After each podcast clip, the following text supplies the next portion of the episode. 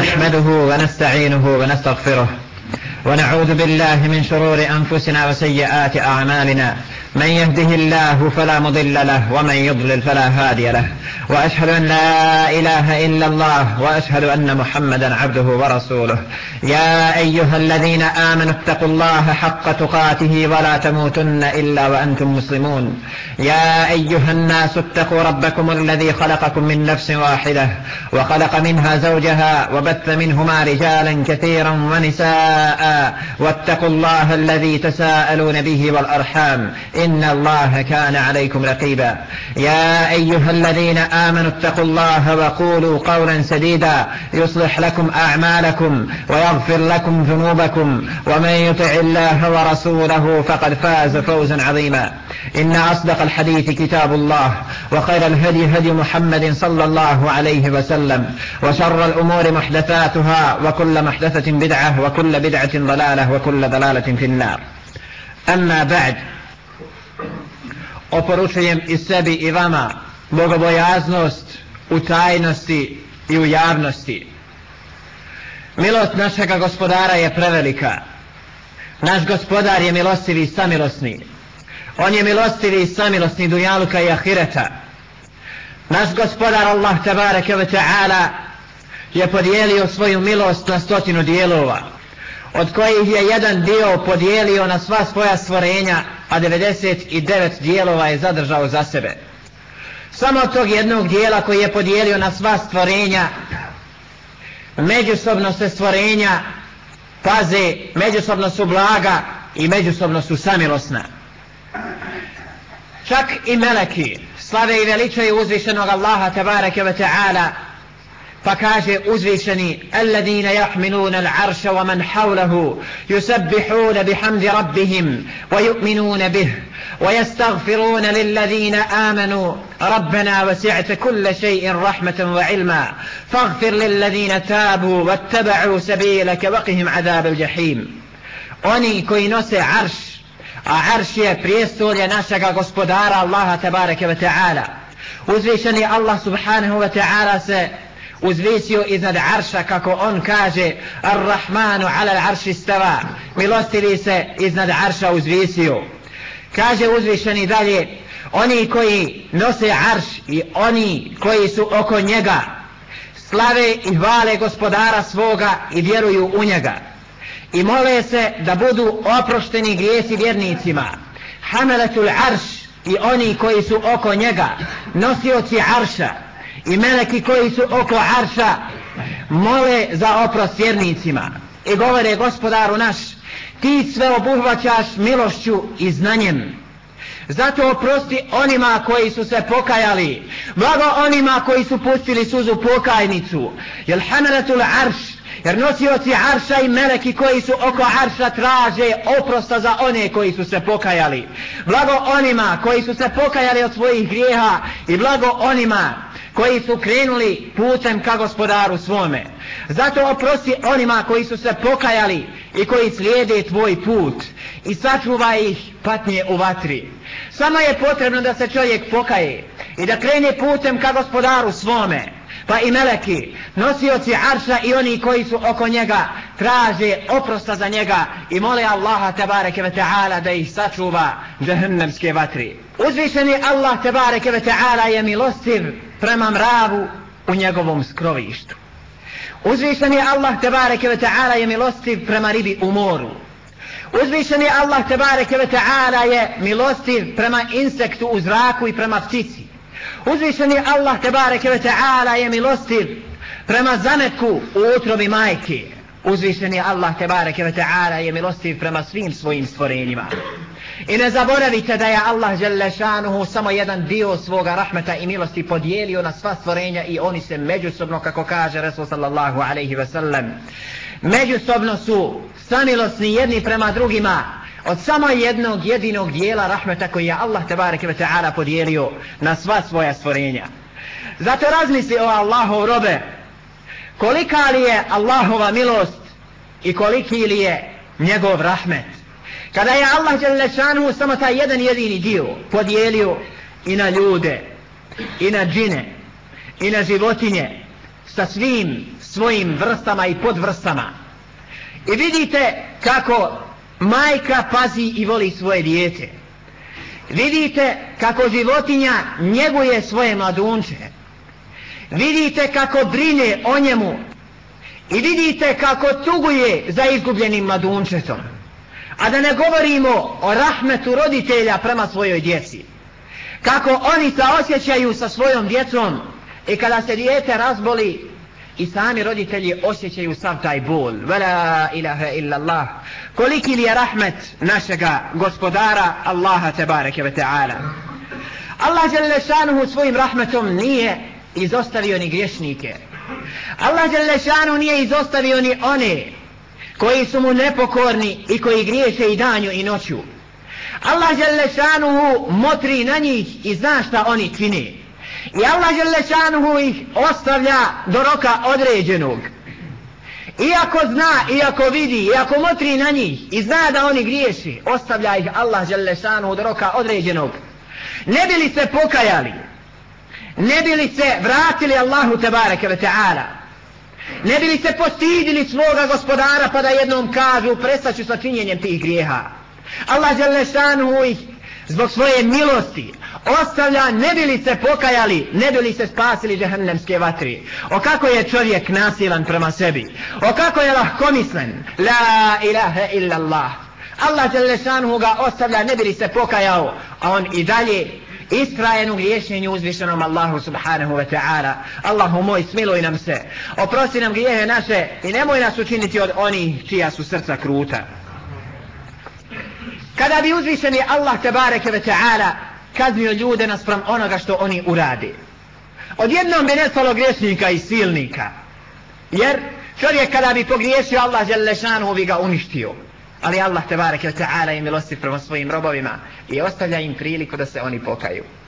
A nam gospodar se raduje teubi svoga roba. I ne zaboravite da sa teubom Allah te barek je ta'ala oprašta grijehe svojim robovima. Allah Želešanu je najmilosniji i najbolji samilosnik kaže uzvišeni wa qur rabbi gfir warham wa anta khairur rahimin i reci gospodaru moj oprosti i smiluj se ti si samilosnik i najbolji. Ne zaboravi o Allahu robe. Kada bi sve od svoga gospodara počinio si grijeha koliko iznosi zemlja a ne budeš činio širk Allahu tebareke ve ta'ala Allah jelle šanu će ti doći sa istim tolikim oprostom. Zato se pokaj svome gospodaru i znaj da ako se pokaje, da će ti tvoj gospodar primiti tvoje pokajanje. Imaj samilosti prema sebi kada je toliki rahmet tvoga gospodara prema tebi. Stavljali se na sebe na svoj postupak. Postidi se svoga gospodara i prestani sa činjenjem loših postupaka. Čvrsto se privati namaza. Posta mjeseca Ramazana davanja zakata i obavljanja hadža. Drži se temeljnih principa ovoga dina i ove vjere i nadaj se dobru i hajru od svoga gospodara. Uzvišen je Allah subhanahu wa ta'ala podstiče svoje robove da budu samilosni i hvali svoje bogobojazne robove zato što su zilletin ala mu'minin a izzetin ala kafirin. Zato što su oni samilosni i blagi prema mu'minima a ponosni su prema nevjernicima. Kao što je milost jedna od velikih Allahovih tebareke ve ta'ala osobina to mora biti i osobina njegovih stvorenja. To mora biti osobina iskrenih Allahovih robova. To mora biti osobina onih koji padaju Allahu tebareke ve ta'ala na seždu. A znajte da Allah tebareke ve ta'ala ne voli silnike i uhole. Allah žele šanuhu ne voli one koji nose u svojim prsima okrutna srca u kojima nema ljubaznosti, rahmeta, u kojima nema samilosti. Allah ne voli takva srca kaže uzvišeni alam ya'ni lil ladina amanu an takhsha'a qulubuhum li dhikrillah wama nazala min al haqq wala yakunu kal ladina utul kitaba min qablu fatala alayhim al amadu faqasat qulubuhum wa kathirun minhum fasiqun. Zar nije vrijeme da se vjernicima srca smekšaju? Kada se Allah i istina koja se objavljuje spomene i da oni ne budu kao oni kojima je još davno data knjiga pa su srca njihova, zato što je proteklo mnogo vremena, postala nemilosrdna, postala okrutna. I mnogi od njih su nevjernici. A zašto su njihova srca postala okrutna? Šta su to oni uradili pa da su njihova srca postala kruta? Dobro zapamtimo ove riječi. Njihova srca su postala kruta zbog toga što su se bavili kamatom. Njihova srca su postala kruta zbog toga što su činili blud i bili neposlušni svojim roditeljima. Njihova srca su postala kruta zbog međusobnih sukobljavanja i suprotstavljanja. Njihova srca su postala kruta zbog međusobnih neprijateljstava, svađa i prekidanja veza. Zato onaj ko želi da njegovo srce ne bude kruto, neka bude samilosan i blag, neka bude milosti prema Allahovim stvorenjima kako prema ljudima, tako i prema svim ostalim Allahovim tebareke ve ta'ala stvorenjima. Neka prestane sa bavljenjem kamatom, bilo uzimanjem kamate, bilo davanjem kamate, bilo pisanjem kamate ili pak svjedočenjem. Jer je prokleo Allah tebareke ve ta'ala one koji se bave kamatom sa svim ovim pomenutim vrstama. La'ana Allahu akila riba wa mukilahu wa katibahu wa shahidejhi. Proklao je Allah onoga ko uzima kamatu, onoga ko daje kamatu. Wa shahidejhi i dvojicu svjedoka koji svjedoči. Wa i onoga koji piše. I zbog tog uzimanja kamate ljudi postaju okrutni srca. Nestaje rahmeta u njima, jer čine nepravdu ljudima bavljenjem kamatom. I neka čovjek pazi na svoj odnos prema svojim roditeljima. Jer ako je neposlušan prema svojim roditeljima, to je dovoljan razlog za okrutnost njegovog srca. Međusobna netrpeljivost, međusobne svađe, međusobna okrutnost, međusobne razmirice, to je uzrok okrutnosti srca. A naročito one svađalice, koje nemaju prečeg posla u svom životu, nego li da se raspravljaju sa ljudima gledaju hoće li iko početi ikakvu raspravu da se uključi i da on bude nosioc te rasprave.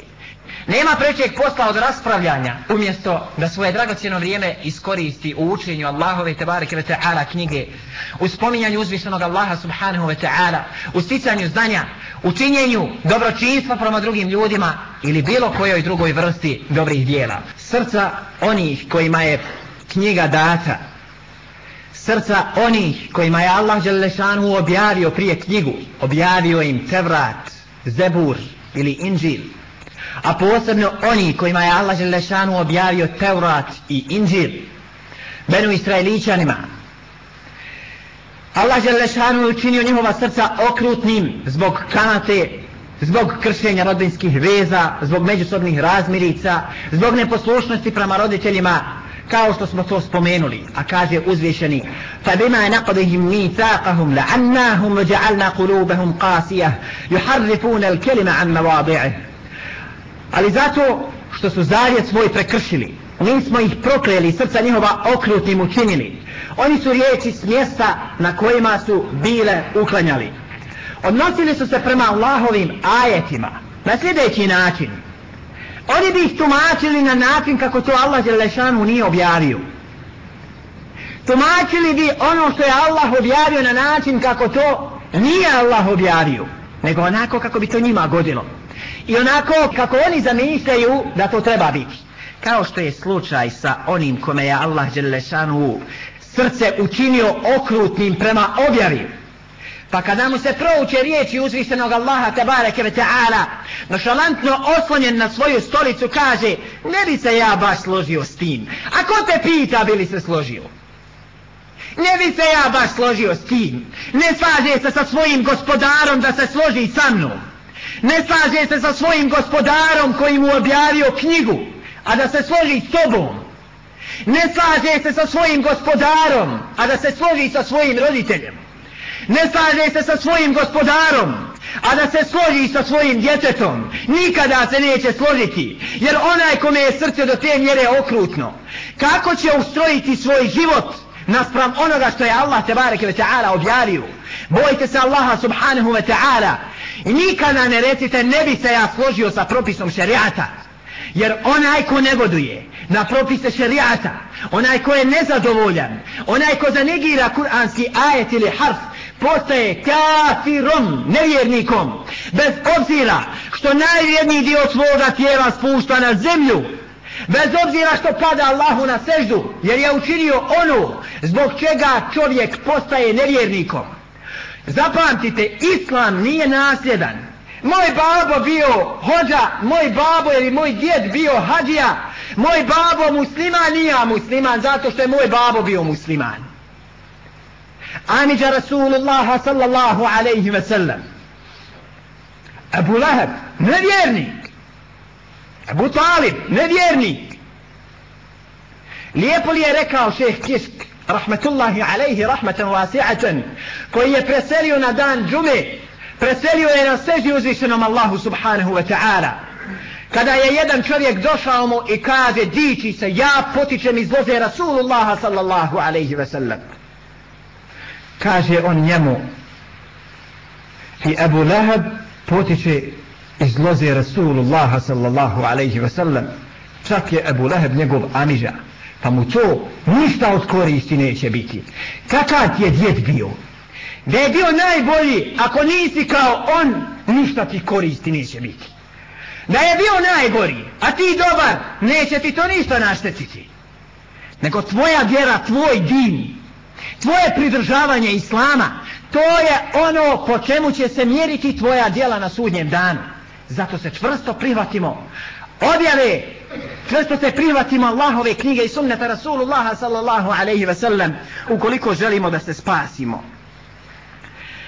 od Amr ibn Khattab radijallahu ta'ala anhu se prenosi أنه قدم على رسول الله صلى الله عليه وسلم بسبي فإذا امرأة من السبي تبتغي إذا وجدت صبيا في السبي أخذته فألصقته ببطنها وأرضعته. فقال لنا رسول الله صلى الله عليه وسلم أترون هذه المرأة طارحة ولدها في النار؟ قلنا لا والله وهي تقدر على ألا تطرحه. فقال رسول الله صلى الله عليه وسلم لله أرحم بعباده من هذه ببلدها لا إله إلا الله od عمر بن الخطاب رضي الله تعالى عنه se prenosi da je rekao dovedeno je ratno roblje žene i djeca, među kojima je bila jedna žena. تبتغي إذا وجدت صبيا في السبي أخذته فألصقته ببطنها وأرضعته traži, traga za svojim djetetom pa kada ga je našla priljubila ga je u svoj stomak i nahranila ga pa je Rasulullah sallallahu alaihi wa sallam rekao nam, kaže Umar ibn Khattab radijallahu ta'ala anhu mislite li da će ova žena baciti svoje djete u vatru kažu لا والله لا والله وهي تقدر على ألا تطرحه neće tako nam Allaha žele šanu ona ga baciti ako bude ikako u mogućnosti da ga ne baci pa je rekao Rasulullah sallallahu alaihi wa sallam da Allahu arhamu bi ibadihi min hadihi bi valadiha Allah žele šanu je milostiviji prema svojim robovima od ove žene prema svome djetetu pa la ilaha illa Allah samo su za pokajnica, prestane sa činjenjem loših dijela, tvrdo kajanje i odluka da se čovjek neće više vratiti tim dijelima i dovoljno čovjeku da mu se njegov gospodar smiluje. Allah Đelešanu je zahvalio čovjeku i pohvalio ga samo zato što je nahranio psa. Samo zato što je bio dobročinitelj prema psu. Šta je uradio? La ilaha illallah. Došao je na jedan bunar da se napije vode. Sišao je, napio se vode. Pa kada je izašao, vidio je psa kako na velikoj žegi grize onu vlažnu zemlju od velike žeđi. Pa kaže, ovog psa je snašlo isto ono što je snašlo i mene. Sišao je u bunar, u svoju obuću, nasuo je vode, stavio u svoja usta, popeo se gore na bunar i dao psu da se napije. Pa mu je Allah Đelešanuhu zahvalio i oprostio zbog tog njegovog postupka. A žena je bačena u džehennemsku vatru zbog mačke koju je svezala i nije nahranila. Sva hrabrost pojedinaca se ogleda u tome da kažnjavaju životinje.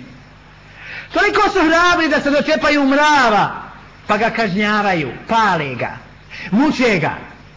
Zato neka se pripaze dobro oni koji muče životinje, da ne bi kojim slučajem na sudnjem danu bili kažnjeni zbog tih svojih postupaka. A neka silnici i oholi znaju da njihov gospodar na njih motri da ništa ne mogu sakriti. Neka znaju svi nevjernici i silnici i oholi i oni koji zatiru Allahovu riječ da Allahu ništa ne može umaći. On na njih motri i sve zna šta oni rade. ولا تحسبن الله غافلا عما يعمل الظالمون إنما يؤخرهم ليوم تشخص فيه الأبصار مهطعين مقنعي رؤوسهم لا يرتد إليهم طرفهم وأفئدتهم هواه A ti nikako ne misli da Allah ne motri na ono što rade nevjernici. Ne misli. Kao što je slučaj mnogih muslimana misli, subhanallah, Allah je lešanu upustio mi nevjernicima da rade ono što oni hoće. Svoj gospodar motri na njih, zna šta oni radi. Vidi kako oni planiraju i zatiru njegovu riječ. Allah je lešanu motri na njih. On im samo dopušta do dana. On im samo dopušta do dana. Kada će im oči ostati ukočene, kada će im se pogled zakovati ovako, Ovo su oči otvorene. Zakovan pogled u jedno mjesto. I kada će žureći uzdignuti glava, ne tremice gledati, a srca će im prazna biti. Zašto će im prazna biti? Iz prostog razloga što ih je obuzeo veliki strah. I ne zaboravite da naš gospodar motri na silnike i nevjernike i pazite na svoja djela. Pokajte se svome gospodaru prije nego li dođe melek smrti. Allahu moj, smiluj se i nama i roditeljima našim.